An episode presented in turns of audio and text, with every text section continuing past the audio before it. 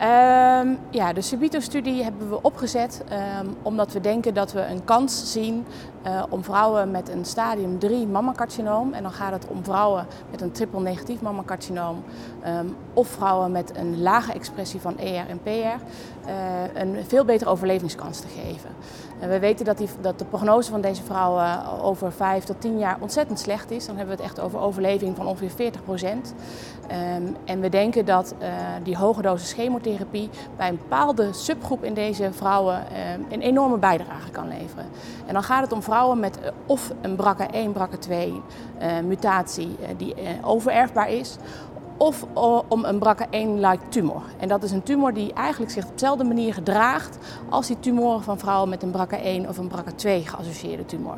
Nou, dat kunnen we testen en uit retrospectief onderzoek van Marieke Vollenberg is al in het verleden gebleken dat die vrouwen als ze die hoge dosis chemotherapie krijgen ehm, een, een verbetering van overleving van zo'n 40% op 7, 8 jaar naar bijna 78% hebben. Dus dat is een enorme winst die je maakt. En we willen nu prospectief laten zien uh, dat het een hele belangrijke behandeling voor deze groep vrouwen is. De studie is uh, in uh, januari 2017 van start gegaan. Um, en wat we doen, het is, een multicenter studie. Dus dat betekent dat er meerdere ziekenhuizen in Nederland, maar ook in Frankrijk en Duitsland meedoen. Um, en dan gaat het voornamelijk om de academische ziekenhuizen en om een groot perifeercentrum in Twente. Um, en dat komt omdat die vrouwen die die hoge dosis chemotherapie moeten krijgen, een zodanige onderdrukking van hun beenmergfunctie krijgen dat ze als vervanging daarvoor een stamceltransplantatie, dus, dus een autologe stamceltransplantatie nodig hebben. Die vrouwen die mogen starten met chemotherapie, dat is doostens adriamycine uh, cyclofosfamide, uh, drie kuren en in die tijd, dus ongeveer zes weken tijd, kunnen we die BRCA-like-test doen. En die BRCA-like-test dat doen we op tumorweefsel. Uh, dat kan worden opgestuurd naar het Antonie van Leeuwenhoek ziekenhuis, daar doen we de test.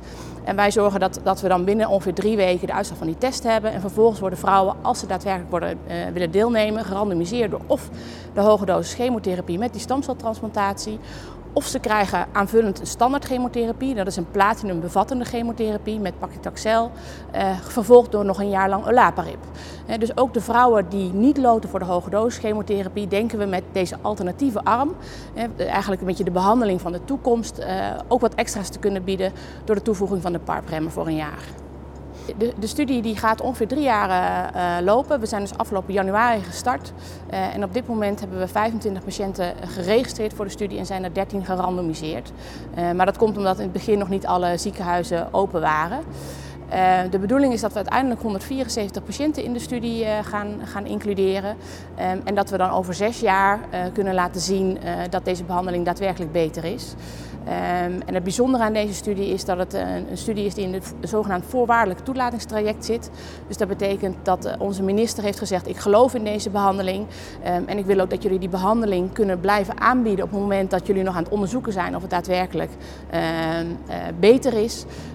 dus ik vergoed vast het hoge dosis gedeelte met de transplanta transplantatie. Um, uh, en ja, we zijn heel hard op zoek naar, naar patiënten. Want we denken dat er maar 120 patiënten per jaar ongeveer in Nederland zijn die voldoen aan de voorwaarden voor deze studie. Um, ja, dus we, dus, ja, zoek, zoek deze patiënten voor ons op en stuur ze naar ons.